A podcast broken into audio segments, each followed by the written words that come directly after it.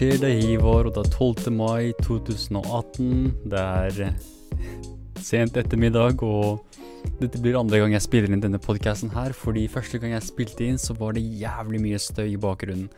Og jeg fant faen ikke årsaken, så hvis det blir støy igjen, så kan jeg dessverre ikke gjøre noe med det. Jeg, jeg håper på at det ikke blir det. Jeg håper på at det ikke blir noe støy, men, men uh, hvis det blir det, så blir det sånne små spikes iblant hvor det blir støy. Men jeg skal prøve å håndtere det. Uh, så jeg hadde tenkt å snakke om et par ting her i dag, og jeg kommer nok til å bli nødt til å snakke om det på nytt, men hvorfor ikke? Det er jo interessante ting. Så det første jeg ville snakke om, er uh, ungdomsskole og eksamener, og hvordan hvordan de blir uh, trukket på eksamen, og hvordan det påvirker karakterene deres, og hva som hadde vært et bedre system, da. Så vil jeg snakke litt om dette her med kulturell appropriasjon, og Jeg vet jeg har snakket om det tidligere også, men uh, dette var et interessant uh, Denne saken her var litt interessant, syns jeg.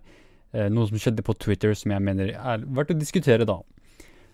og så vil jeg snakke litt om dette her med Tinder og vår generasjon, eller min generasjons forhold til sex, og sammenligne det med tidligere generasjoner, da, og hva Tinders rolle er i, i, romantiske forhold i 2018.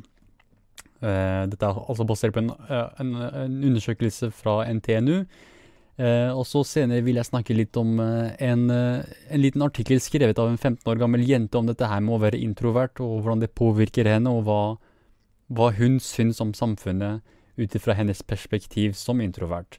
Og til slutt vil jeg snakke om noe av det kjedeligste i hele verden, noe som er eh, ja, noe som, vi, noe som, aldri vil stoppe, og dette her er snakk om selvfølgelig eh, konflikten i Midtøsten.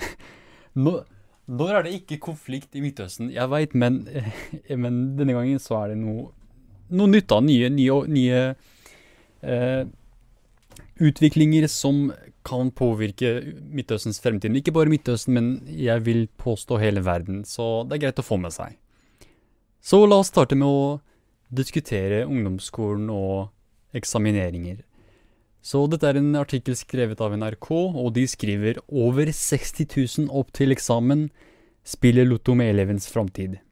Dette handler om disse elevene som skal opp til eksamen, og hvordan, hvordan vi spiller lotto med deres framtid, da, fordi vi har den eksamineringsstilen vi har i dag. Eller det systemet vi har i dag.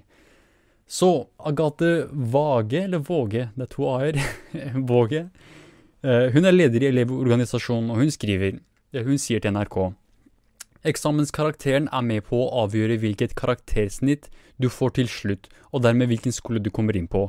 Eksamenskarakteren har like mye vekt som standpunktskarakteren. Eh, det du har prestert i løpet av den ene eksamensdagen, teller altså like mye som du har prestert gjennom skoleåret. Så hvis du husker fra ungdomsskolen, eller kanskje du fortsatt går på ungdomsskolen, og hvis det er tilfellet, så bør du ikke høre på kompisprat, men i hvert fall hvis du går på ungdomsskolen, eller hvis du husker fra ungdomsskolen, da, så var det slik at du hadde et par eksamener som var sånn obligatoriske, som f.eks. norsk, eller hva enn det er skolen din fokuserte på. Så hadde man et annet fag som du skulle bli trukket opp i. Det kunne vært hva som helst, det var egentlig veldig tilfeldig. Noen kommer opp i matte, noen kommer opp i naturfag, andre engelsk eller samfunnsfag. Så er det snakk om muntlig eller skriftlig. Og det er helt tilfeldig. Eh, eller det var det, i hvert fall det inntrykket jeg fikk, var at det var helt tilfeldig. Det er sånn helt, helt flaks. Snakk om flaks, om du fikk et et fag som du faktisk er flink i, eller om du fikk et fag som du er elendig i. Så det er det de mener med når de snakker om at man spiller eh, lotto med elevens framtid. Fordi tenk om denne eleven som kanskje vipper mellom en firer i snitt eller 3,8 eller hva enn det er, da. Og for å få denne fireren, så må denne personen gjøre det bra på eksamen fordi standpunktskarakterene, de andre karakterene, ikke er så høye. Så da er det greit å kanskje få et fag som Ehm, er greit, da, som kanskje denne eleven er komfortabel med, istedenfor å få et tilfeldig fag som kanskje kan ødelegge elevens framtid, eller elevens evne til å få det snittet som den vil, eller komme på den skolen som eleven vil, da. Det kan være ille, det kan være kjipt, det kan være jævlig kjipt. Så det er det problemet her er, altså, at uh, det ikke bør være slik at eksamensdagen skal avgjøre uh, snittet ditt i lik grad som en standpunktskarakter som du bygger opp gjennom hele skoleåret, da, at det ikke er helt rettferdig, at det kanskje bør være litt mer riktig, da, at du kanskje eh, har en slags eksaminering hvor du eh, får mer tid til å, til å, utvikle en oppgave, slik at du kan få en bedre resultat av det, istedenfor å eh, komme på skolen en dag på eksamensdagen og være stresset, og kanskje du, du ikke husker det du leste, og så gjør du det elendig. Så det er kjipt. I hvert fall, eh, elevordningen, eller Elevorganisasjonen her, skriver eh, Vi mener eksamenskarakteren ikke kan reflektere det eleven faktisk kan. Ordningen er urettferdig og utdatert. Det kan være helt tilfeldig om du kommer opp i et fag du er flink i, eller om du kommer opp i det ene faget du sliter ordentlig med. Når eksamenskarakteren er så viktig, blir det nesten som å, som å spille lotto med elevens framtid. Så spør journalisten her, eh, men er det ikke rettferdig at man vurderes også i de fagene man sliter med? Og så svarer hun, man skal vurderes i alle fag, men det handler om at eksamenskarakteren er en sluttvurdering. Vi mener man bør ha en eksamensordning med en vurdering hvor man leverer arbeid over lengre tid, slik at eksamenskarakteren ikke er avhengig av dagsform. Ok, så dette er eh, Nå som jeg tenker over det, er faktisk veldig vanskelig sak, dette her. Jeg, jeg er ikke helt sikker på om jeg er enig med eh, elevorganisasjon her. På en måte så er jeg det, men samtidig så er jeg ikke det. Når vi snakker om det her med å komme, komme inn på gode skoler, så snakker vi om at de, de, kommer seg videre til et system, et skolesystem, da, som egentlig ikke er så forskjellig fra det systemet man har i ungdomsskolen. Hvor du, men det som er forskjellig, er at f.eks. i videregående, da, og hvis du studerer videre til høyere utdanning, så får du litt mer valgfrihet med tanke på hva, hva du studerer og hva slags fag du tar opp. Og, men selv der så er det jo slik at du kan komme opp i eksamen i temaer som du kanskje har studert veldig lite om, eller kanskje du kan, kanskje vet veldig lite om. Og da tenker jeg det heller er best at man faktisk blir vant til denne, dette systemet ved å ha dette systemet som vi har i dag, hvor eksamen er bare helt tilfeldig hvor du kommer opp, kommer opp, i et fag, enten du er jævlig flink i, eller du er jævlig dårlig i. Men jeg kan se ulempene ved dette systemet. Det kan jeg, jeg forstår godt hva de snakker om her. Jeg kan se for meg at en, eh, en eller annen poet i klassen som er jævlig flink i norsk, kommer opp i matte. Det hadde vært jævlig kjipt. Denne personen kan jo nesten ingenting om matte. Alt denne personen vet, er dikt og struktur og norsk språk og norsk historie. Det kan være litt kjipt å komme opp i et fag man ikke forstår, og få en dårlig standpunktskarakter fordi man ikke studerte matte like mye som man studerte, studerte det norske språket. Og det kan være litt kjipt. Det kan være ganske kjipt. Og det, det samme kan man si om en person som har brukt hele, hele livet sitt på å bli flink i matte og naturfag og alle de faga der, men som kommer opp i historie eller kommer opp i samfunnsfag og må skrive en oppgave om, eh, om den kalde krigen. Det kan være kjipt. Det er jo ikke det interessene til den personen er. Det er ikke der, eh, der talentet til denne personen er. Så akkurat det skjønner jeg problem, med problemet. Og jeg forstår også dette her med at uh, du møter opp en dag, en random dag, og du skal uh, du skal uh, skrive en oppgave som skal avgjøre en standpunktskarakter i karakterkortet ditt, det kan være litt kjipt. Tenk om den dagen så føler du deg litt dårlig, eller kanskje du har, du har litt dårlig minne, du er ikke i form. Og det, det, kommer til å påvirke egentlig hele fremtiden din. Det kommer til å påvirke hva slags skole du kommer inn på. Det kommer til å påvirke eh, hva slags universitet du kommer inn på, basert på hva, eh, hvordan du gjorde det på denne ungdomsskolen her.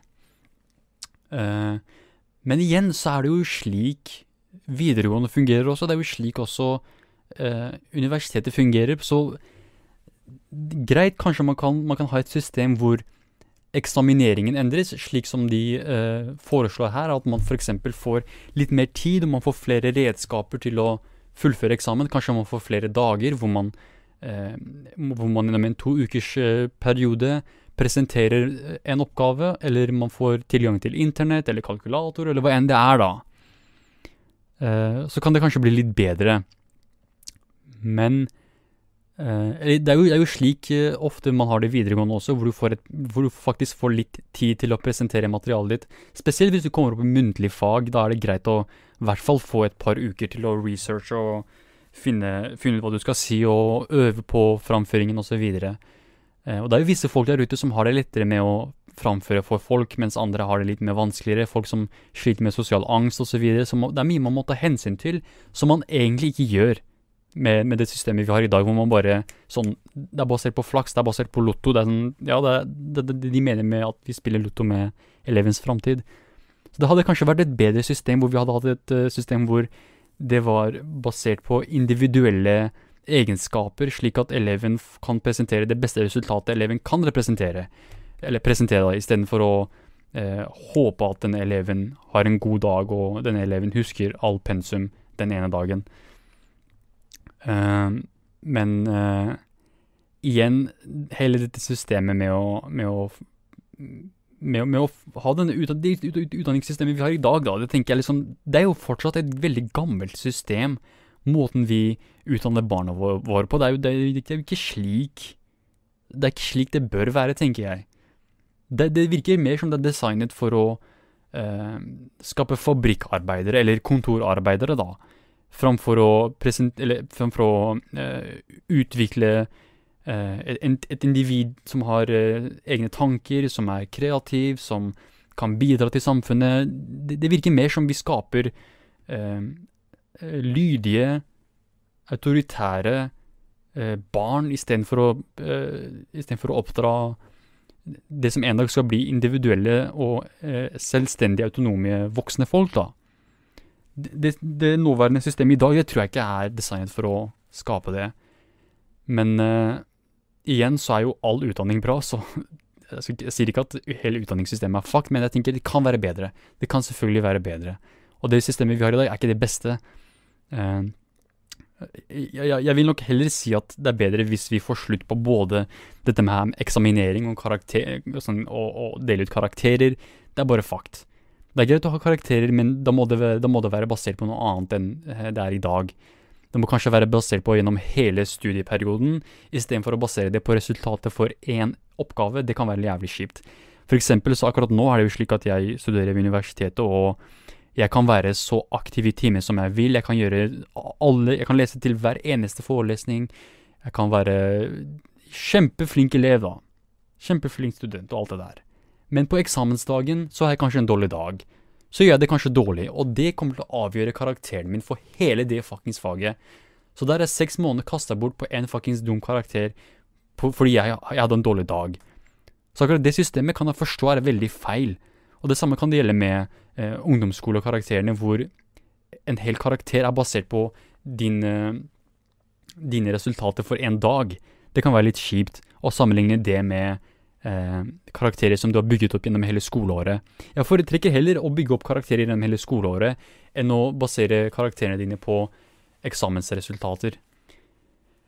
Eh, men jeg tenker kanskje vi bare for, bør få slutt på eksamener helt. Sånn, jeg forstår fortsatt ikke hvorfor ungdomsskoleelever har eksamener. Jeg forsto virkelig ikke poenget med det når jeg gikk på ungdomsskolen. For meg var det sånn Det er bare noe vi har. Men jeg, jeg forsto ikke hvorfor. Jeg, skjønte ikke hvorfor.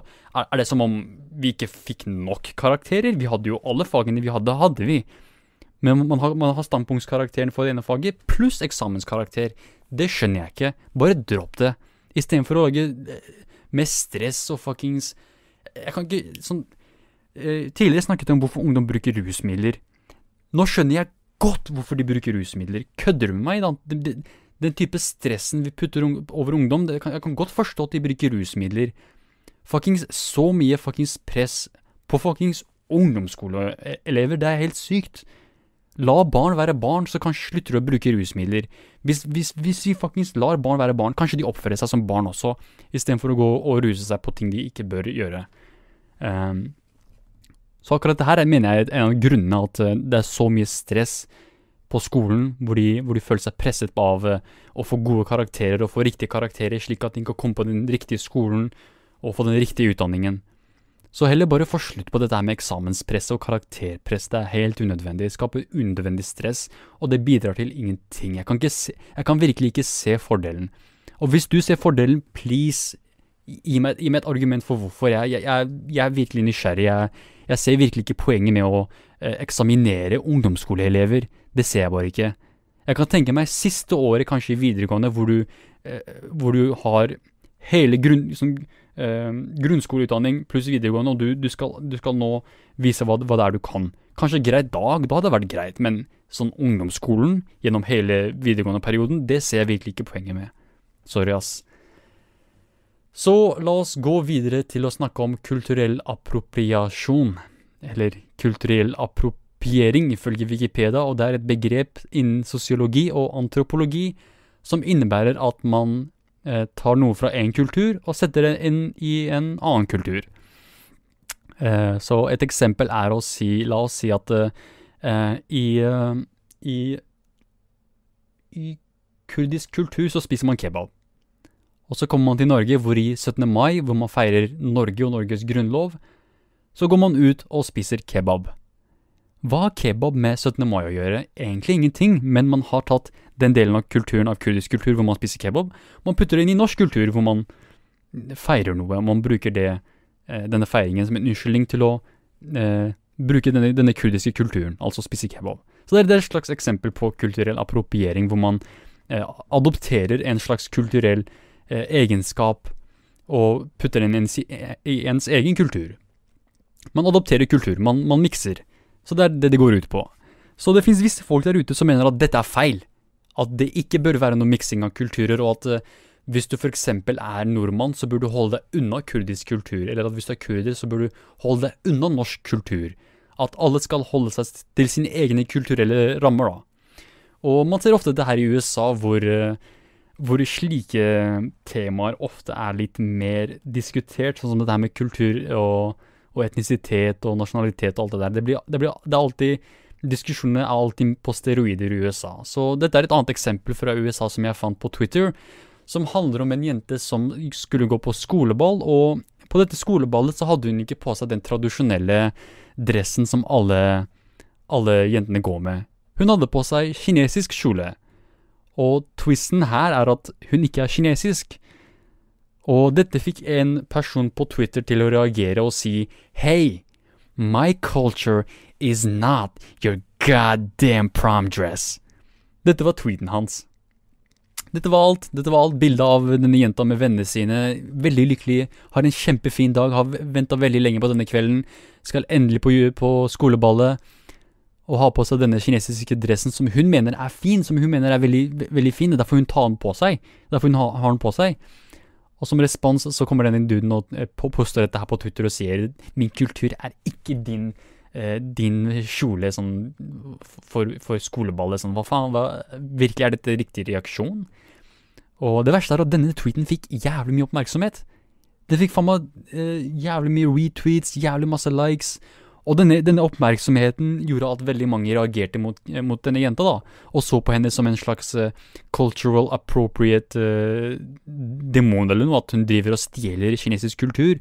Så hun fikk veldig mye trakassering og mobbing og alt det der, nettopp for denne bruken av kjolen. Okay, så det som irriterer meg her, er at dette er snakk om USA, det er, det er ikke snakk om Kina. Vi snakker ikke om at en, en uh, en, en, hvit jente går til Kina og bruker kinesiske kjoler og eh, driver og snakker kinesisk og alt det der og bla, bla, bla. Det er ikke snakk om noe sånt. Det er snakk om vi er i USA, i et land som er bygget opp av innvandrere. Et land som et land der hvor tradisjonene, kulturen, normen, alt, historien, alt ved samfunnet er basert på det faktum at de er innvandrere. Alle i USA utenom urfolket er innvandrere. Så selvfølgelig vil du ha en slags miks, selvfølgelig vil du ha kulturer som mikser og adopterer visse egenskaper fra hverandre, og visse tradisjoner eh, går over til andre kulturer og andre, andre folkegrupper, selvfølgelig. Og, og, og, at det finnes en person som eh, bruker denne muligheten til å eh, til å ha på seg en kjole som er som kommer fra en annen kultur, da og har den på seg for å feire denne kulturen. For å si at den er kjempefin, jeg har, på, jeg har, den på meg på denne spesielle dagen som betyr mye for meg. Jeg elsker denne kulturen så mye at jeg, jeg, jeg vil gå med den. Jeg vil gå med, vil med kjolen. Øh, og jeg vil markere min, min, min, kjærlighet for denne kulturen og denne, denne fine kjolen. Det er jo bare fint. Hvorfor er dette her en negativ ting? For det er en negativ ting å feire kulturen til en annen kultur. Var det, var det feil av meg å si hei, maten deres er jævlig god, bra jobba, hei, klærne deres er jævlig, jævlig nice, det er så nice at jeg også vil involvere meg, at jeg også vil gå med de. Hvorfor er dette en negativ ting? Og det er ikke det. det er ikke negativ. Jeg kan ikke se hvorfor dette er en negativ ting. Men det fins visse folk der ute som mener at kulturell appropriering er noe negativt. At du ikke skal mikse kulturer, at du ikke skal eh, eh, respektere og tolerere andre kulturer. At alle skal holde for seg selv, alle skal holde seg til sine egne, til sine egne kulturer. Og dette er en jævlig sånn ultrakonservativ holdning å ha. Og det verste er ofte de som, de som eh, eh snakker om dette her med kulturell appropriering som noe negativt, viser seg å være liberale, eller de påstår å være liberale. Det er disse her på venstresiden som mener at uh, Eh, hvis du f.eks. er hvit, så kan du ikke rappe. Du har ikke lov til å rappe fordi rapping kommer fra minoritetskultur, ungdomskulturen eh, for minoriteter i New York og andre steder i USA. Og du som er hvit og kommer fra hvit kultur, har du null rett til å rappe, fordi da stjeler du eh, Du stjeler eh, svartes kultur, du stjeler eh, latinamerikaneres kultur. Du stjeler minoritetenes kultur, det er det de påstår, og det er helt idiotisk. Det vi snakker om her, er at grensene utvides. Istedenfor å eh, ha flere grenser, så fjerner vi grensene. At vi, vi heller kommer sammen til samlet, en samlet grense istedenfor å ha en grense som splitter oss, har vi grenser som inkluderer oss alle. Hvorfor er ikke det bedre enn å ha et system hvor vi sier hei, det der er min kultur, du får ikke lov til å gjøre det der. Det er min kultur. Sånn, hva faen, hva, hva er så spesielt med det? Sånn, er det ikke bedre å spre kulturen sin. Er ikke, er ikke det bedre? Hvorfor, blir du ikke glad når folk feirer kulturen din? Det er ikke som om de fornærmer det. Uh, det dette er noe som, som, må feires, det er ikke noe som må forbys. Dette her med å dele kulturer. Spesielt i USA, hvor hele landet er jo basert på multikulturalisme. Og som sagt, hvis du er liberal, så er det helt idiotisk. Jeg kan virkelig ikke forstå at du som en liberal kan, kan påstå at uh, kulturell appropriering er noe negativt. Det er det ikke. Eh, for hvis du sier det, så er det, så er det veldig eh, så er det veldig vanskelig med tanke på hvor vi setter grensen på hva folk kan gjøre. Hvis du sier at en hvit person ikke kan gå i kinesisk kjole fordi eh, din, 'Min kultur er ikke din kjole'. er kulturen min. Hvis du mener det, så er det slik at denne hvite jenta kan si 'Oi, du, du sitter i en bil'. Min kultur er ikke din transport. Det, det kan denne personen si. Det er jo helt det samme. Jeg vet at jeg bruker det her uh, veldig svake argumenter, men det, det, blir veldig sånn slippery, sånn hvor, hvor, langt vi kan gå med dette her med å forby visse aktiviteter fordi du ikke tilhører denne kulturen. Ok, så da er det slik at eh, alle disse Marvel superhero-filmene og DC Comics og alt det der Vi kan ikke ha kinesiske, asiatiske eller afrikanske eller svarte eller eh, folk fra Midtøsten i disse tegneseriene, fordi disse tegneseriene ble skapt av hvite folk, og dermed kan vi bare ha hvite superhelter. Er det, er det en slik verden du vil ha? En verden uten Black Panther? Er det, er det virkelig en slik verden du vil ha? Nei, selvfølgelig ikke. Selvfølgelig skal vi ha utvide kulturen. Selvfølgelig skal vi mikse kulturen. For da får, vi, da får, vi, mer ut av det. Det får vi mer ut av det. Det blir bedre for oss alle hvis, hvis vi har en slags multikulturalisme i dette, i det, med dette aspektet. Jeg vet at det finnes veldig mange folk der ute som mener at multikulturalisme er gift. At det er å, det verste av verste. Spesielt med tanke på Europa. At uh, disse utlendingene kommer og tar over alt og ødelegger alt osv. Du kan ha det synet hvis du vil, og det er feil. Det er definitivt feil, mener jeg. Uh, det, er snakk om grenser, det er snakk om ulike grader, men likevel, jeg mener det er feil. Jeg mener det er mer nytte vi får ut av miksing av kulturer enn ulemper. Uh, men som sagt, da kan ikke Hvis vi følger denne, denne tankegangen, da, så er det veldig begrensa hva vi kan gjøre i samfunnet. Det er veldig begrensa. Så det er heller bedre å bare la, det, la, la, folk, la folk feire kulturen din, la folk nyte kulturen din uten at du måtte eh, komme og si 'Å, du får ikke gjøre dette her. Å, herregud'. Og det verste er, det verste, verste med denne saken her, denne, saken her med denne kinesiske kjolen, er at um, ifølge SCMP News så skal det være slik at denne jenta fikk støtte fra Kina. Folk i Kina støtter denne jenta, framfor denne kinesiske amerikaneren som mener at dette er en fornærmelse. Så han sier at kinesiske, den kinesiske kjolen er feil av henne å bruke på, på skoleballet fordi eh, dette er hans kultur. Mens folk som faktisk er fra Kina, sånn, fra, fra fuckings eh, kilden til dette problemet, de mener dette, dette er fantastisk, at dette er fint. Så denne, denne kinesiske amerikan, amerikaneren kan eh, Han kan rett og slett bare suge en pikk, for han vet da faen hva han snakker om her. Han har ingen anelse om hva han snakker om. Han tar helt feil. Og det er sant, han tar feil. Å, herregud. Ok, så nå som vi fikk snakket litt om cultural appropriation og skolesystemet La oss gå over til å snakke om Tinder og litt mer eh, eh, Litt mer om dette her med eh, internett og alt det der. Eh, og når vi, når vi snakker om Tinder, snakker vi selvfølgelig om dette her med tilfeldig sex og eh, sjekkeapper og sånn eh, hookups og alt det der. Så la oss se hva det er NRK skriver. NRK skriver Tinder gir ikke mer tilfeldig sex. Og de skriver folk som bruker sjekkeapper som Tinder eller andre bildebaserte datingapper, er generelt mer åpne for kortvarige og uforpliktende forhold og sex. Og dette er basert på funn fra en undersøkelse fra Norges teknisk-naturvitenskapelige universitet. Ok, Så hvis du, hvis du er en person som bruker disse datingappsa, så har du veldig lite imot sånne korte forhold. Sånn, eh, du, du møter noen du, du har sex med, de er ferdig. Ikke noe mer enn det. Slike folk er veldig åpne for dette her. Og det tenker jeg er riktig for eh, denne generasjonen sånn stort sett generelt. Når vi snakker om generasjonen født mellom 1980 fram til 2000, de som ofte man finner på disse datingappene, og de som er mest aktive her, eh, de, de har stort sett et veldig åpent syn på sex. Eh, og ifølge den undersøkelsen så er det spesielt sant for de som bruker disse datingappene. Så de skriver folk som bruker datingapper har en såkalt korttidsseksuell orientering. Eh, orienting? Ok. De, de er primært ute etter korttidssex, sier førsteamanuensis Mons Bendiksen ved Institutt, Inst, Institutt for psykologi ved NTNU til NRK. Eh, han sier videre noen få er primært ute etter langtidsforhold, men de aller fleste er det ikke. Så hvis du bruker disse datingappsa, åpenbart du er der for hookups. Det er veldig få som er ute etter langtidsforhold. Eh, og det mener jeg er veldig, veldig kjipt, fordi mange av disse datingappsene sånn, Det de prøver å formulere, eller det budskapet de, de, de formidler, er vi, vi vil liksom å, vi, vi har all for kjærlighet og forhold og finn den rette personen. Men det er jo ikke, det er jo ikke slik. Det er ikke slik Tinder blir brukt. Det, det er faktisk veldig få som, som primært er ute etter langtidsforhold. De fleste er der for hookups. De fleste er der for å få et ligg.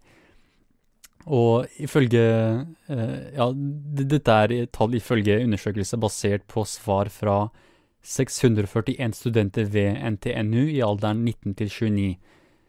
Så det er, det er snakk om eh, relevant, eh, relevant aldersgruppe her. Det er de som er mest aktive for, eh, på Tinder, og det er de eh, tallene kommer fra. Så jeg, jeg, jeg er veldig overbevist om at disse tallene her er riktige.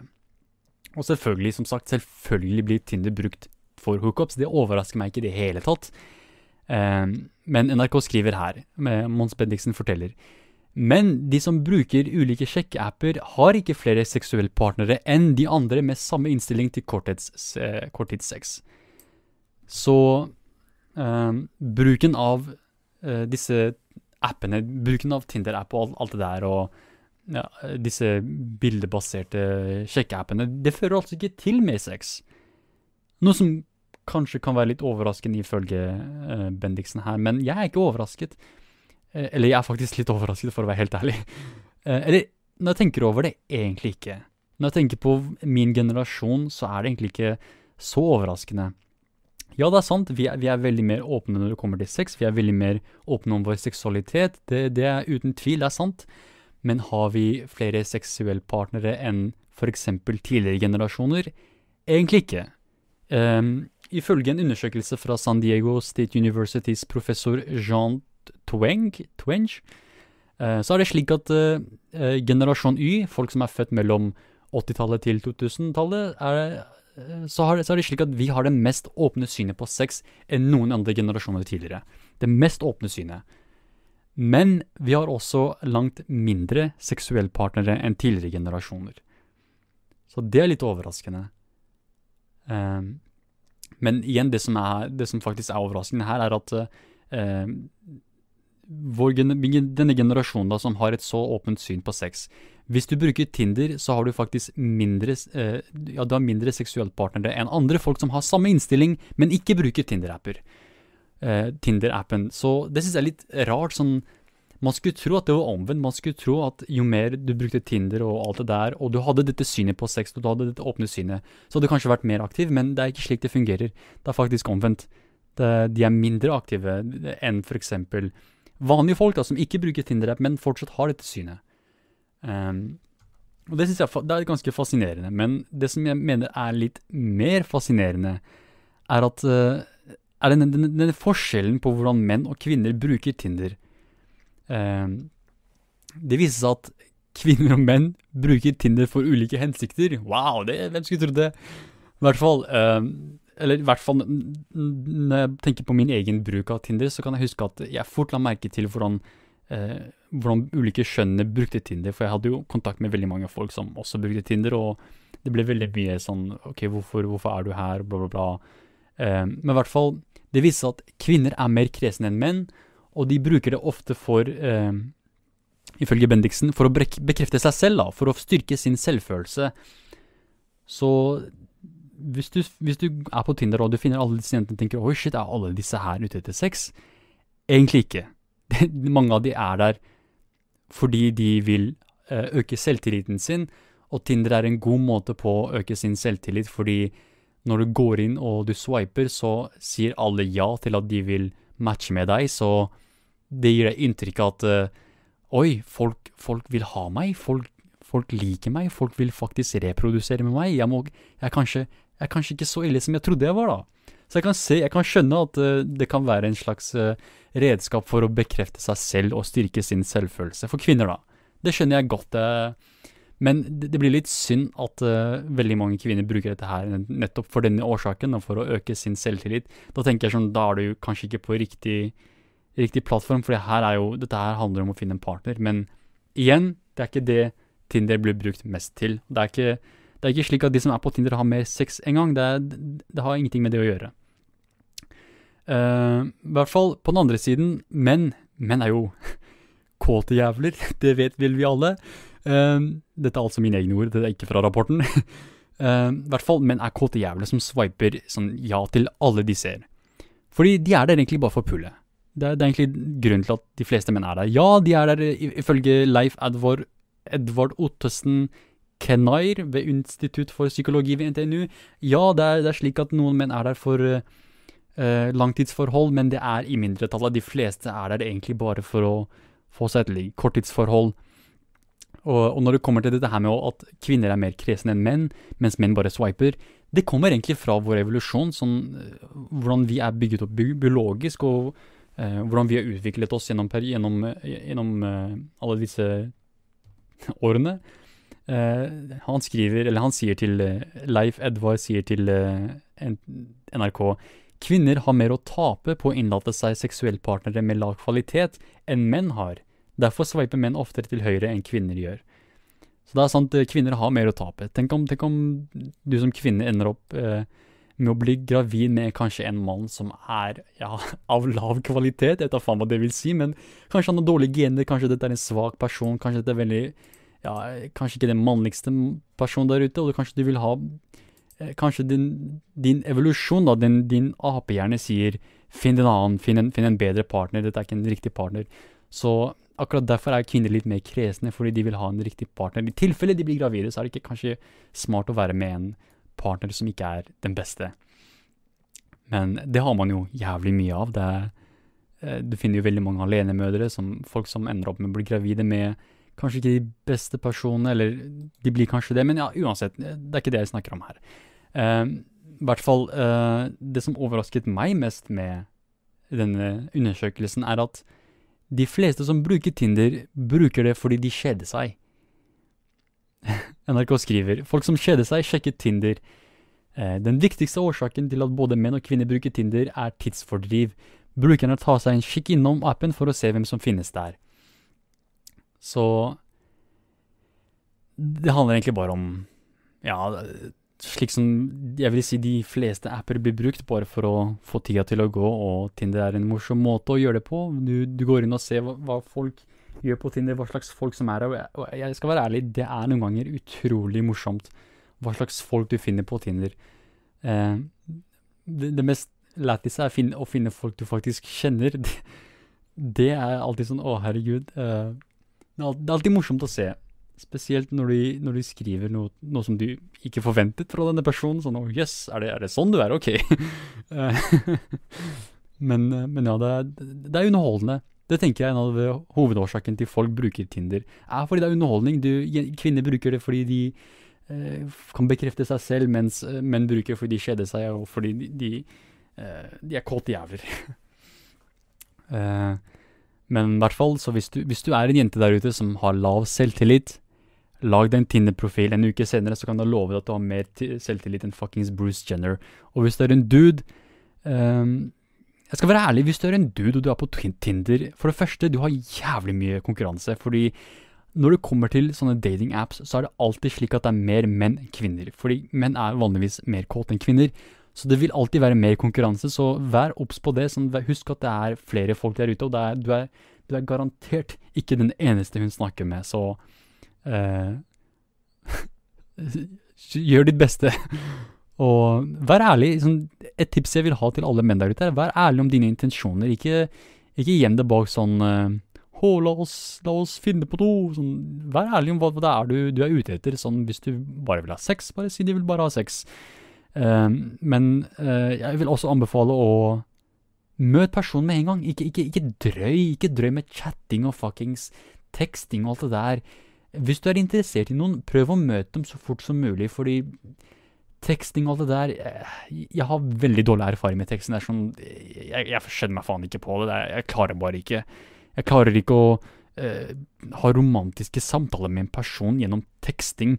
Uh, ja, det, det, går bare ikke. Det er bedre å møte personen face to face, og du, du, finner fortere ut om du Dette er en person du kan tolerere. og det, det, det Tolerere? Herregud, hva er det jeg snakker om her? Men det funker bare bedre, så møt så fort som mulig, og uh, ja, hvis, hvis, du virkelig vil ta det her seriøst, da. Fordi hvis du bare sitter og tekster med dem, så er det sånn Hva faen er det du prøver å åpne her? Skal du faen meg skrive en bok, eller skal du faen meg prøve å få det et ligg her? Uh, og det, det, det, det, gjelder for begge, begge, begge skjønn, tenker jeg. For det, det finnes selvsagt Det er ikke som om alle kvinner er der bare for å bekrefte seg selv. Det finnes selvfølgelig kvinner der ute som også bare vil ha et ligg, og det er ikke noe galt med det. Og det er akkurat det jeg håper jeg ser mer av, at folk blir mer åpne om sin seksualitet, og ikke bare snakker om at de er det, og føler at de er det, men at de faktisk er det. Uh, og det er det som er problemet her. Det er det som er overraskelsen for meg, da, at min generasjon sier at de er det. De, de er det, de er filosofisk, så er de det, men praktisk så er det ikke det. Og det synes jeg er litt rart. Men det er også bra, fordi det, blir, det betyr kanskje mindre kjønnssykdommer. uh, og mindre, gravid mindre, graviditet. Så kanskje er det en bra ting, men uh, egentlig, egentlig, så tenker jeg det er egentlig ikke det. Uh, vi mennesker vi må fortsette å pule. Dessverre. Vi må, vi må, reprodusere, vi må sørge for at menneskerasen ikke dør ut. Hvorfor? Fordi, fordi vi er så fuckings bra for verden. Har du ikke sett hva vi mennesker gjør? Vi, vi, vi lager smartphones, vi lager datingapps, vi lager, vi lager fuckings plastikk. Hvor mange dyr der ute kan lage plastikk? Ingen faen. Vi er fuckings Vi er heftige, ass. Vi er fuckings heftige. Vi kan lage flammekastere. Kan, kan fuckings hester lage flammekastere? Når var det sist du så en fuckings ape lage en flammekaster? Fuckings vi lager flammekastere. Shit. Så derfor mener jeg at vi bør reprodusere. Fordi vi er fuckings heftige. Vi er fuckings genier. Fuckings mennesker. Kødder du? Shit. Vi er heftige, jo. Vi er heftige som faen. Ok, så la oss gå over til å snakke om litt mer seriøst tema. Men egentlig ikke så forskjellig fra det vi har snakket om fram til nå. Og det, her, det, er dette her med eh, å være introvert. Så dette er en artikkel skrevet av en 15 år gammel jente på side på Aftenposten.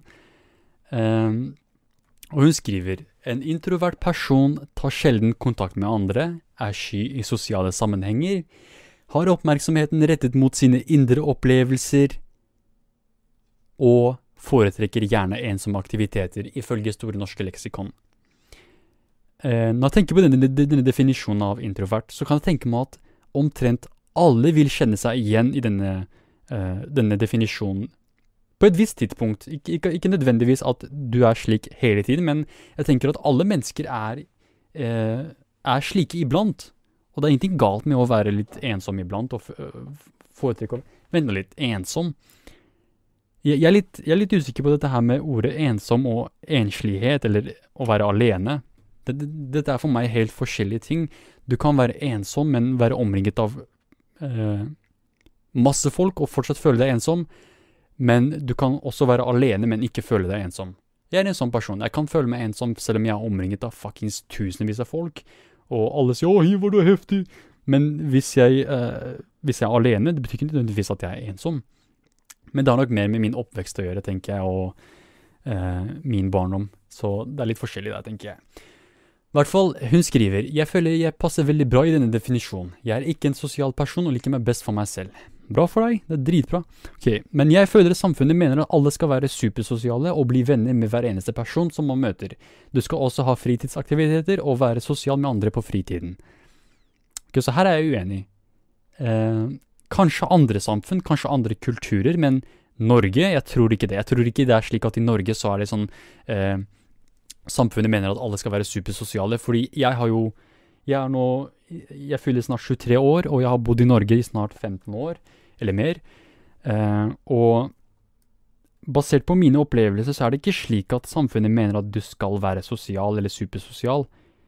Fordi det er jo ikke slik jeg har opplevd nordmenn. Eh, kanskje, det, kanskje det er fordi jeg er uinteressant og ingen liker meg, men ofte er det slik at jeg merker at det er jeg som alltid må ta initiativ. Det er jeg som må si hei. Det er jeg som må si, si noe. Hvis ikke, så er det ingen som sier noe. Så er det helt fuckings stille. Så dette her med at eh, samfunnet mener at alle skal være supersosiale Kanskje, men er det slik min erfaring er, mine, mine 15 år her i Norge? Egentlig ikke. I andre kulturer, ja, det kan jeg, det kan jeg, det kan jeg se. Når jeg er i Kurdistan, er det sånn Der, der er du Du blir sett på som en avvik, sånn hvis du ikke er pratsom og veldig åpen og sosial. Mens her i Norge kan du være så usosial som du vil, og folk vil for det meste la det være. sånn Ingen vil komme og si 'hva faen er galt med deg', snakker du ikke, hater oss, eller hva faen? Sånn er kurdere. Kurdere er veldig Du kommer til å faen meg spise ræva di hvis ikke du er sosial hos kurdere med kurdere. Du, du må være pratsom. uh, og det har jeg faen meg erfaring med selv, sånn at uh, jeg blir faen meg roasta som bare helvete fordi jeg kanskje er litt uh, mindre pratsom enn andre, da. Men i Norge har jeg aldri opplevd den kritikken, og du er, du er usosial fordi du ikke er pratsom, du er usosial fordi du ikke du driver med etterskoleaktiviteter. Så akkurat det er jeg litt, usikker på med Norge, altså. At jeg tror ikke i Norge er det slik at det noe slik at samfunnet mener at du bør være supersosial. Det er, det er ikke slik det er. Som sagt, nordmenn flest, de merker jeg da Jeg må alltid ta initiativet. Og ikke bare nordmenn, men sånn folk flest. Sånn alle jeg møter på er sånn Jeg må ta initiativet. Eh, eller hvis noen andre tar initiativet med meg, og jeg kanskje glemmer de, eller får andre uh, Har noen andre ting å drive med, da, vi er litt opptatt med skole, jobb og alt det der, så føler de kanskje føler de seg sånn 'Å, hvorfor er det alltid jeg som må ta kontakt?' Sånn 'Herregud, ro ned, faen, det er Vi er alle mennesker, vi har alle ting å gjøre.' Det er sånn Ikke stress. Ikke stress. Det er, jeg, jeg tenker det er det beste rådet jeg kan gi til denne 15 år gamle jenta, er ikke stress, ikke tenk for mye. Ikke tenk for mye på, eh, på hvordan folk reagerer, eller for, hvordan folk vil reagere. Det er greit å ha ettertanker, det er greit å angre, det er greit å eh, tenke kanskje du burde ha gjort visse ting annerledes, men å tenke sånn Jeg bør ikke si det der fordi X vil reagere slik, eller eh, hva om jeg sier dette her, hvordan kommer X til å reagere? Ikke tenk slik. Det er, det er heller bedre enn å dumme seg ut, enn å frykte å dumme seg ut, tenker jeg. Fordi når du dummer deg, så lærer du noe. Du lærer noe, du, du, du, har, du får en opplevelse. Og jo mer ting du har å angre på, jo mer livserfaring har du, jo mer vet du, og jo bedre blir du som en person, og jo mer visdom har du. Så ikke vær redd for å gjøre feil, og ikke vær redd for å drite deg ut. Jeg tenker det er, det er bedre å drite seg ut enn å aldri drite seg ut, for hvis du aldri driter deg ut, hva vet du om livet? Hva vet du om hvordan det er å være menneske? Du vet ikke en dritt, for du, du har ikke opplevd noe. Så det er bedre å drite seg ut. Det er bedre å dumme seg ut, og det er bedre å bli sett ned på, det er bedre, bedre å bli mobba og dissa og roasta enn enn å være en person som ingen eh, kritiserer, da. Hvis du ikke blir kritisert, så, det, så, gjør du egentlig noe feil. Så hvis du føler at eh, samfunnet er imot deg, Eh, for det første, så jævlig egoistisk av deg. For det andre, du tar feil. Er, ingen bryr seg om deg, dessverre. Bare familien bryr seg om deg. Eh, jeg er ikke flink Ok, nå leser jeg videre her. Jeg er ikke flink til å være sosial. Istedenfor å være sosial er jeg på rommet mitt og er på internett. Jeg ser på serier og videoer, jeg baker kaker. Det er min fritidsaktivitet. Det mest sosiale jeg gjør, er å holde foreldrene mine med selskap. Det er min trygge arena. Ingenting galt med det. Absolutt ikke i det hele tatt. Jeg tenker dette her uh, Det hadde vært en god husmor.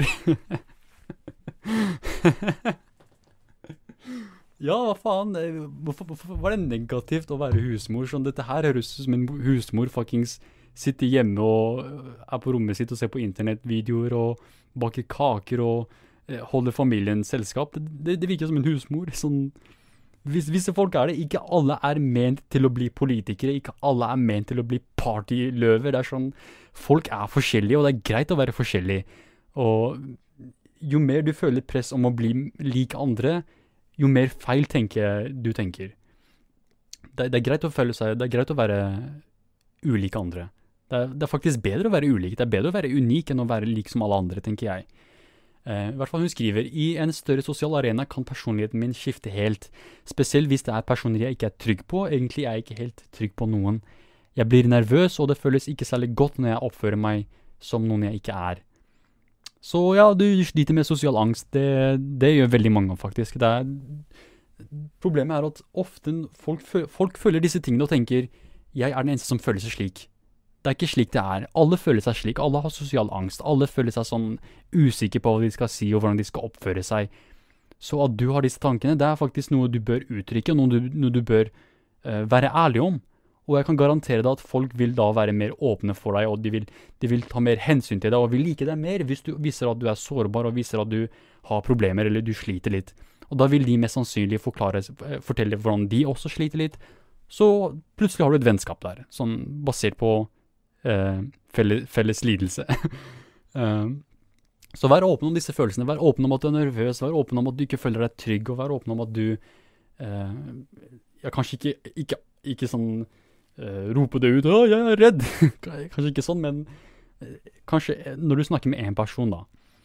Uh, og dette her med å endre personligheten sin, det tenker jeg Det er jo bare pluss. Det, uh, det er greit å kunne oppføre seg annerledes. Det, det betyr bare at du eh, vil klare å håndtere sosiale roller bedre enn andre. F.eks. la oss si du, du, får en stilling som en leder.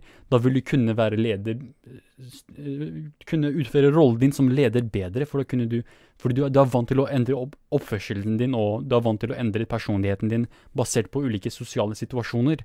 Så det er jo bare bra, tenker jeg. Eh, kanskje, kanskje, du bør prøve skuespill, kanskje det er greia kanskje det, det hadde vært fint for deg. Fordi skuespillere er jo ikke, de er jo ikke akkurat supersosiale folk, de er bare ja, skuespillere. De later som de er andre personer.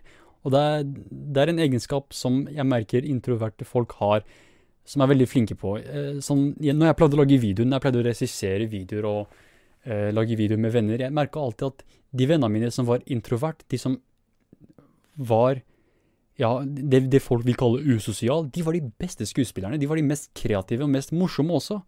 Mens de som var litt uh, ja, ekstroverte og sånn, og alltid åpne og supersosiale, de var litt dårligere skuespillere. De var litt Ja, min erfaring, da. Min erfaring, bare. Og de var litt, ofte litt sånn litt kjedeligere også, for å være helt ærlig. Um, men introverte folk, noen ganger så går det litt overboard, noen ganger kan det bli litt forskjellig, sånn uh, Ja. Jeg tenker, jeg tenker det har nok mer med sosial angst å gjøre enn dette her med å bare være Å like å være for seg selv.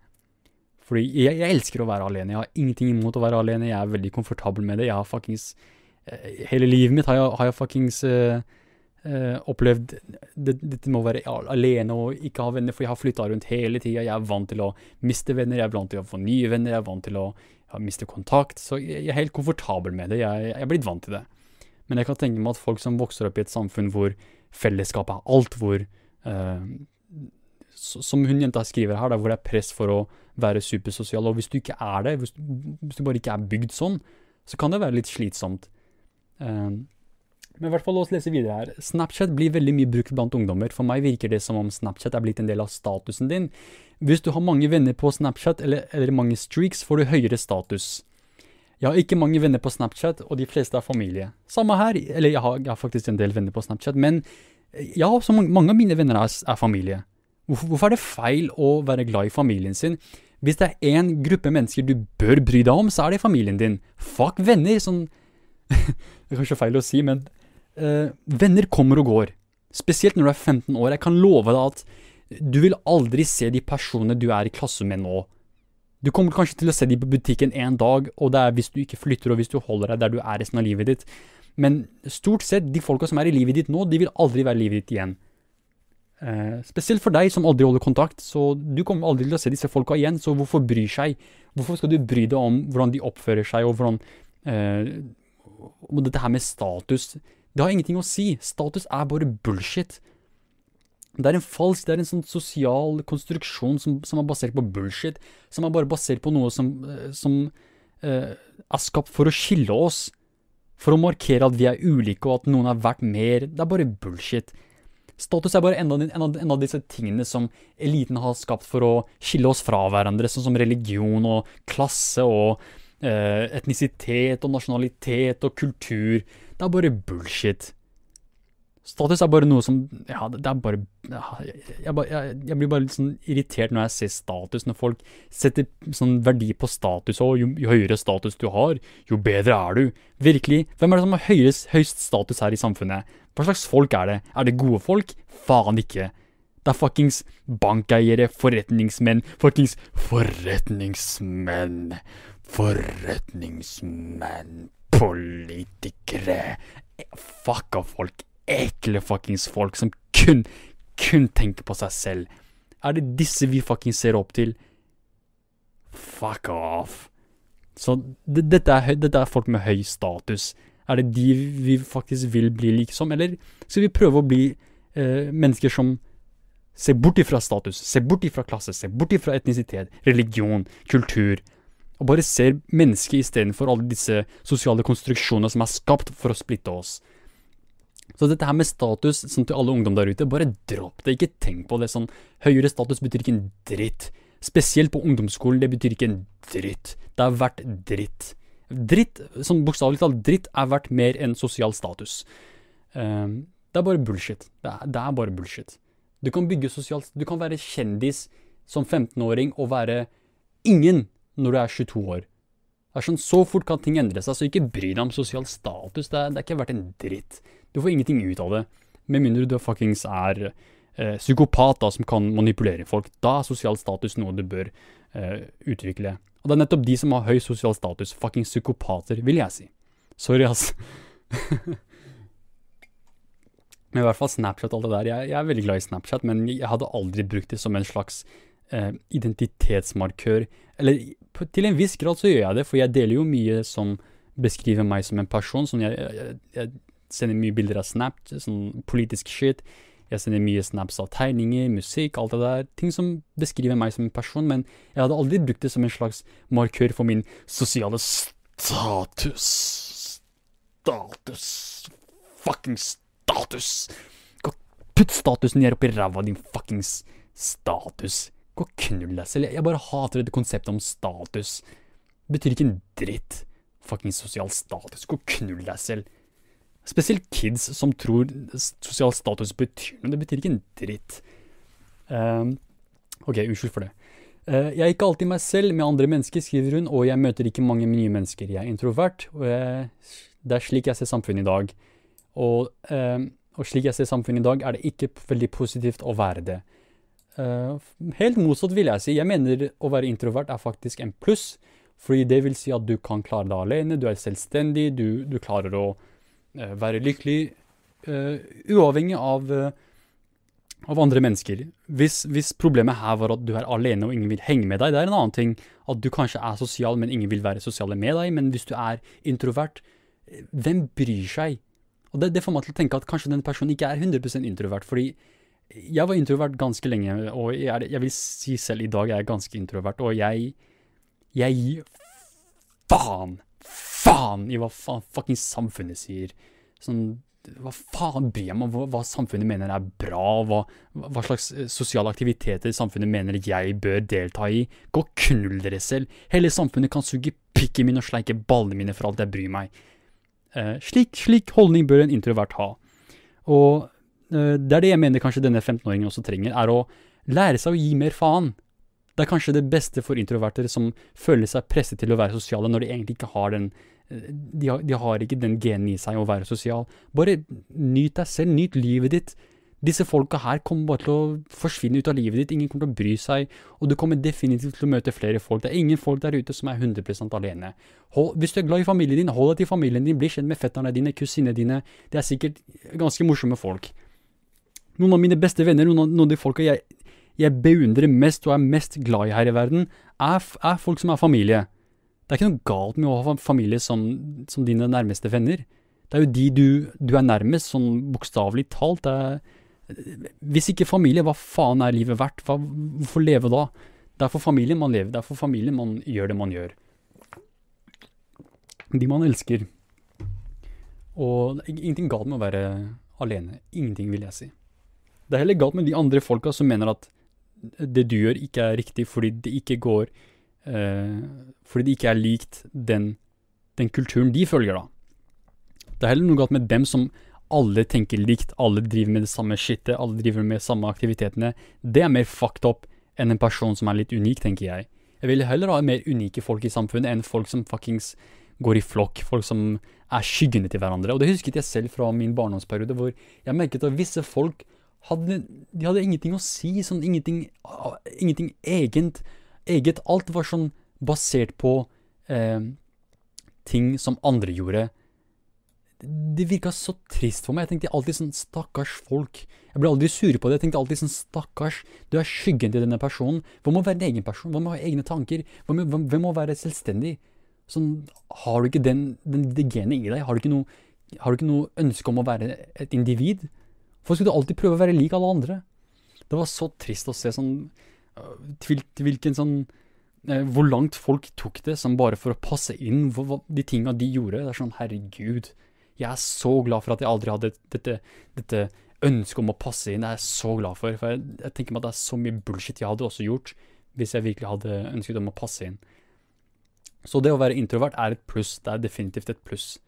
Uh, skaff deg en katt. Fuckings skaff deg en bikkje. Eller fuckings Skaff deg en Tinder-profil, så får du uh, fuckings uh, selvtillit som bare faen. Hvis selvtillit er problemet ditt her. uansett, nok om dette her. Så la meg ta en kort pause hvor jeg drikker litt kaffe og drikker litt vann, så kommer jeg tilbake og snakker om uh, litt mer seriøst tema. Uh, situasjonen i Midtøsten. Jeez. Ok, da er jeg tilbake. Så Beklager for det. Så hva er det som skjer i Midtøsten? Jo, så USA har bestemt seg for å trekke seg ut av atomavtalen med Iran. Og dette betyr mer ustabilitet, dette betyr mer usikkerhet, og dette betyr mer trusler for eh, sikkerheten i fremtiden. Eh, for det greia er at Iran var eh, Iran ønsket å utvikle atomvåpen gjennom disse atomkraftverkene de hadde. Og dette vil vi jo ikke ha noe av. Selvfølgelig, det hadde vært utrolig katastrofalt hvis en stat som Iran, som er veldig aggressiv og som er veldig Jeg vil si konfliktfullt, Eh. Veldig mye konflikt som stammer fra Iran. De finansierer jo mange terrororganisasjoner, på samme måte som Saudi-Arabia. De, de, har veldig fucka politikk. De undertrykker sin egen befolkning. De undertrykker kurdere. De undertrykker alle fang eh, aserbajdsjanere oppe i nord. De, de, de, er, de er ikke akkurat den staten du vil skal ha atomvåpen. Så det er greit å ha en avtale hvor vi sier at Iran bør ikke ha, bør ikke ha atomvåpen eh, og la oss ha en avtale hvor vi forsikrer oss om at dette er eh, status quo, et atomvåpenløst Iran. Så det, var dette denne atomvåpenavtalen skulle oppnå, da, et atomvåpenfritt Iran. Eh, og det var ikke bare Iran som var del, av denne avtalen, det var også USA og veldig mange europeiske stater. Og målet, målet var at Iran skulle få lov til å eksperimentere med atomkraftverk for energikrav, sånn for, for, å, produsere strøm, og for eh, research-hensikter. Sånne ting. Det var greit. Men ikke, ikke, vi, vi, tillater dem ikke å eh, utvikle disse stoffene nok til å produsere atomvåpen. Det, det, det, var, var, det var, en av eh, eh, en av kravene. Så hva er det Iran får ut av dette her? Jo, det er slik at uh, Iran vil, ville få tilbake penger som uh, USA og Europa hadde fryst, så de ville få tilbake penger som var deres, og det ville være mindre økonomiske sanksjoner på Iran, så økonomien ville bli bedre, og alt ville egentlig bli bedre for uh, Iran også. Men nå har USA bestemt seg for å trekke seg ut av denne avtalen, så nå blir det mer usikkert. Så nå kan egentlig Iran bare kjøre på og prøve å utvikle atomvåpen. Og USA har bestemt seg for å i tillegg innføre Eller Trump da mener at han skal innføre større økonomiske sanksjoner på Iran, og at hvis Iran bestemmer seg for å utvikle atomvåpen, så vil det være konsekvenser, og det vil være veldig dårlig. Veldig dårlig for Iran. Um, så det, det er den situasjonen vi har i dag. Og det er veldig mange europeiske land som er helt uenige med USA og mener at de ikke bør trekke seg ut av denne atomvåpenavtalen med Iran. At de heller bør fortsette å prøve å få USA tilbake inn igjen, men det skjer ikke. Dette er en avtale som ble, eh, som ble skrevet ned av eh, Barack Obama, og det vil ikke Trump og de neokonservative i USA ha noe som helst av. De liker ikke alt som har med Obama å gjøre. Så de vil fjerne dette her.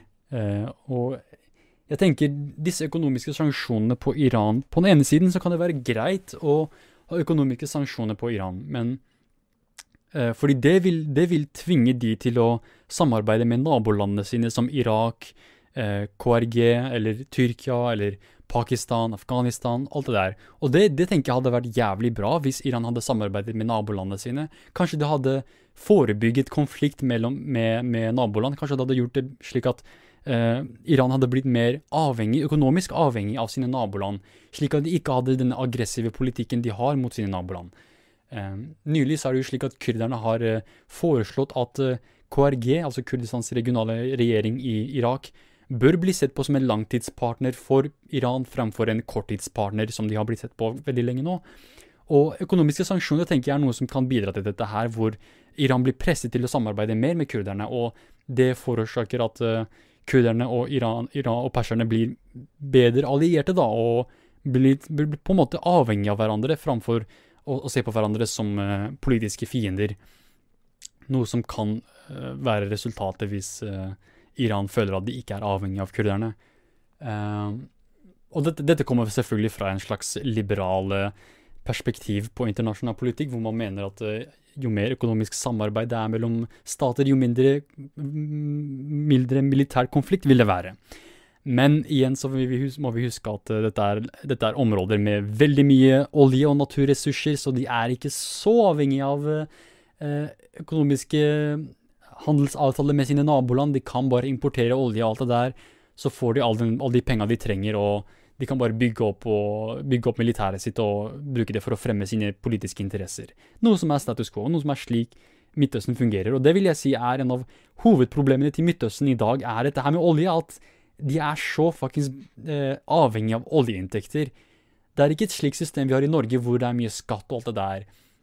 Så statene, eller regjeringene, føler seg ikke eh, avhengig av sin egen befolkning og befolkningens interesser for å fremme viss politikk. De kan egentlig gjøre hva faen de vil, fordi deres, deres budsjett kommer ikke fra skattepenger eller fra folket, det kommer fra oljen. Så de, har, de føler liksom null eh, eh, Hva kaller man det? Ja, responsibility, jeg vet ikke hva det norske ordet er. Ansvarlighet. De, de, har, de, har, null ansvarlighet til sin befolkning. Eh, fordi alle, alle, alle ressursene kommer jo fra oljepenger, og folk har ingenting med det å gjøre. Så akkurat det tenker jeg er en av problemene med Midtøsten sånn generelt, at de er så avhengig av oljepenger og mindre avhengig av befolkningen sin. Eh, men i hvert fall dette problemet med Iran tenker jeg er spesielt vanskelig, fordi neokonservative i USA, som nå er i regjering, har veldig lenge vært kåte på en krig med Iran. Og mer og mer nå så ser det ut som at vi er på vei mot en krig, dessverre. Eh, jeg kan høre sånn jeg kan høre krigstrommene på vei mot krig. Det kan jeg høre litt etter litt. Og akkurat nå nylig så har det jo vært angrep mellom Israel og Iran, hvor Israel har angrepet iranske styrker i Syria som har tatt livet av visse styrker, og iranske styrker har sendt et par raketter mot Israel. Og Israel har enda en gang angrepet demonstranter som krever å bli å få sine hjem tilbake. Så det er sånn det er allerede mye konflikt. Og det har alltid vært mye konflikt, spesielt med Israel og den palestinske befolkningen. Men det tenker jeg er noe som kan bare skape mer konflikt og bare eh, skape mer og mer kaos med tanke på å dra inn eh, andre land også. F.eks. dra inn Iran i Syria-konflikten enda mer, og dra inn Syria i palestinske konflikten. Og det verste, vil, det verste som kan skje med eh, resten av Midtøsten, er at hvis land som f.eks. Tyrkia, som allerede er involvert, blir trukket enda mer inn i konflikten, og at et land som Irak, som nettopp kommer ut fra en stor fuckings konflikt, også blir dratt inn i enda en konflikt. For det har jo nettopp eh, Eller jeg har vært og forhåndsstemt for den, eh, for den irakiske parlamentariske valget, og i dag, 12. mai, er faktisk eh, den offisielle valgdagen. Så vi får se hva som blir valgresultatene, og dette mener kan være avgjørende for fremtiden. Hvis det blir en slags eh, regjering som er veldig pro-Iran, så kan vi se en slags innblanding fra Iraks side, hvor de blander seg inn i iranske interesser og fremmer iranske interesser. Og det kan være ganske katastrofalt, fordi vi ser at eh, Midtøsten og Iran og Israel og alt det der, de, de, går mot en slags militær konflikt. Og jeg vil helst ikke at flere land skal være involvert, men dessverre så er det slik at hver gang det er en konflikt i området, så blir alltid nabolandet dratt inn. Så det vil nok være mer konflikt, og det vil være mer flyktninger, det vil være mer kaos, og det vil være mer rasisme, og det vil være mer hat. Så det er, det er bare noe vi må forvente, spesielt med den elendige politikken vi ser i USA, hvor de, de, de, vil heller vise fram pikken sin og si ja, pikken min er større enn din, enn å sette seg ned og fuckings prøve å finne en løsning på konfliktene sine. Um, men alle, det aller verste jeg tenker nå, er, er, kanskje ikke konflikten mellom Israel og USA, men heller Israel og Nei, sorry. Eh, konflikten mellom Iran og USA, men heller konflikten mellom Iran og Israel. Det er den konflikten som jeg mener kan være litt, eh, litt farligst. Eh, for det er jo snakk om et land som er veldig nær hverandre, mens USA er på andre siden av kloden, så er Israel bare et par eh, grenser unna. Så det kan være litt mer katastrofalt hvis de to ender opp i krig, og det er, det er mest sannsynlig at de to ender opp i krig. Og den eneste måten jeg kan se at USA trekker, blander seg inn, er hvis Israel eh, ber de blande seg inn. Og Israel har vært veldig sånn de, de, de vil virkelig til krig. Eller jeg, når jeg snakker om Israel, tenker jeg mest på Benjamin Netanyahu, altså den høyreekstreme regjeringen i, i Israel, eller Kud-partiet, de er nok mer sannsynlig til å eh, blande inn USA i en krig mot Iran. Eh, på samme måte som de gjorde med Irak. Det er noe kanskje ikke mange husker, men, at, men Israel var veldig imot Saddam Husseins eh, Irak, og var, de var veldig eh, sterke supportere av krigen mot Saddam Hussein. Og akkurat nå er de veldig sterke supportere av krigen mot Iran også, så ja, det virker som vi er på vei mot en ny krig, altså. Og det har allerede vært veldig mange dødsfall, og det har allerede vært et par små konflikter, så vi må ikke bli overrasket når vi ser enda en konflikt. Og det er allerede veldig mye ustabilitet med tanke på økonomi, med tanke på eh, demonstrasjoner, med tanke på demokratiske rettigheter. Eh, det er allerede veldig ille, men det ser ut til at det kommer til å bli enda, enda verre etter hvert. Eh, og det er jævlig kjipt. Det er jævlig fucking kjipt. Det, jeg mister egentlig litt håp for uh, Midtøsten, fordi Midtøsten er jo egentlig et jævlig fuckings Det er et fuckings paradis, egentlig. Men folka som bor der, er så jævlig fuckings tett i huet at de får dette paradiset til å bli et helvete. Det, er så jævlig synd. Det er så bortkasta potensial, hvor folk uh, fuckings Denne Denne Denne ja, de, de, er så besatt av pikkstørrelse. Pikken min er større enn din, derfor skal jeg gå, gå til krig mot deg. Og pikken din er større enn min, Å, det kan jeg faen ikke akseptere, jeg skal bombe deg. Denne mentaliteten, denne at jeg er bedre enn deg, denne at min, min etnisitet er bedre enn din, min religion er bedre enn din, denne tankegangen det bare ødelegger Midtøsten. Sånn, hvis man hadde fått slutt på denne tankegangen, så tror jeg nok Midtøsten hadde vært mye bedre. Men det er, det, er, nok mer enn det. Det er nok mye mer enn det som må til for å endre Midtøsten, men i hvert fall er det slik situasjonen er i dag. Så det var det.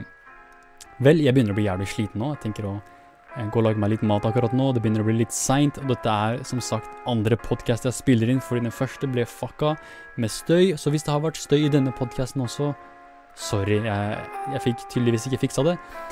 Men eh, i hvert fall, takk for at du hørte på. Dette var Hivar, og nå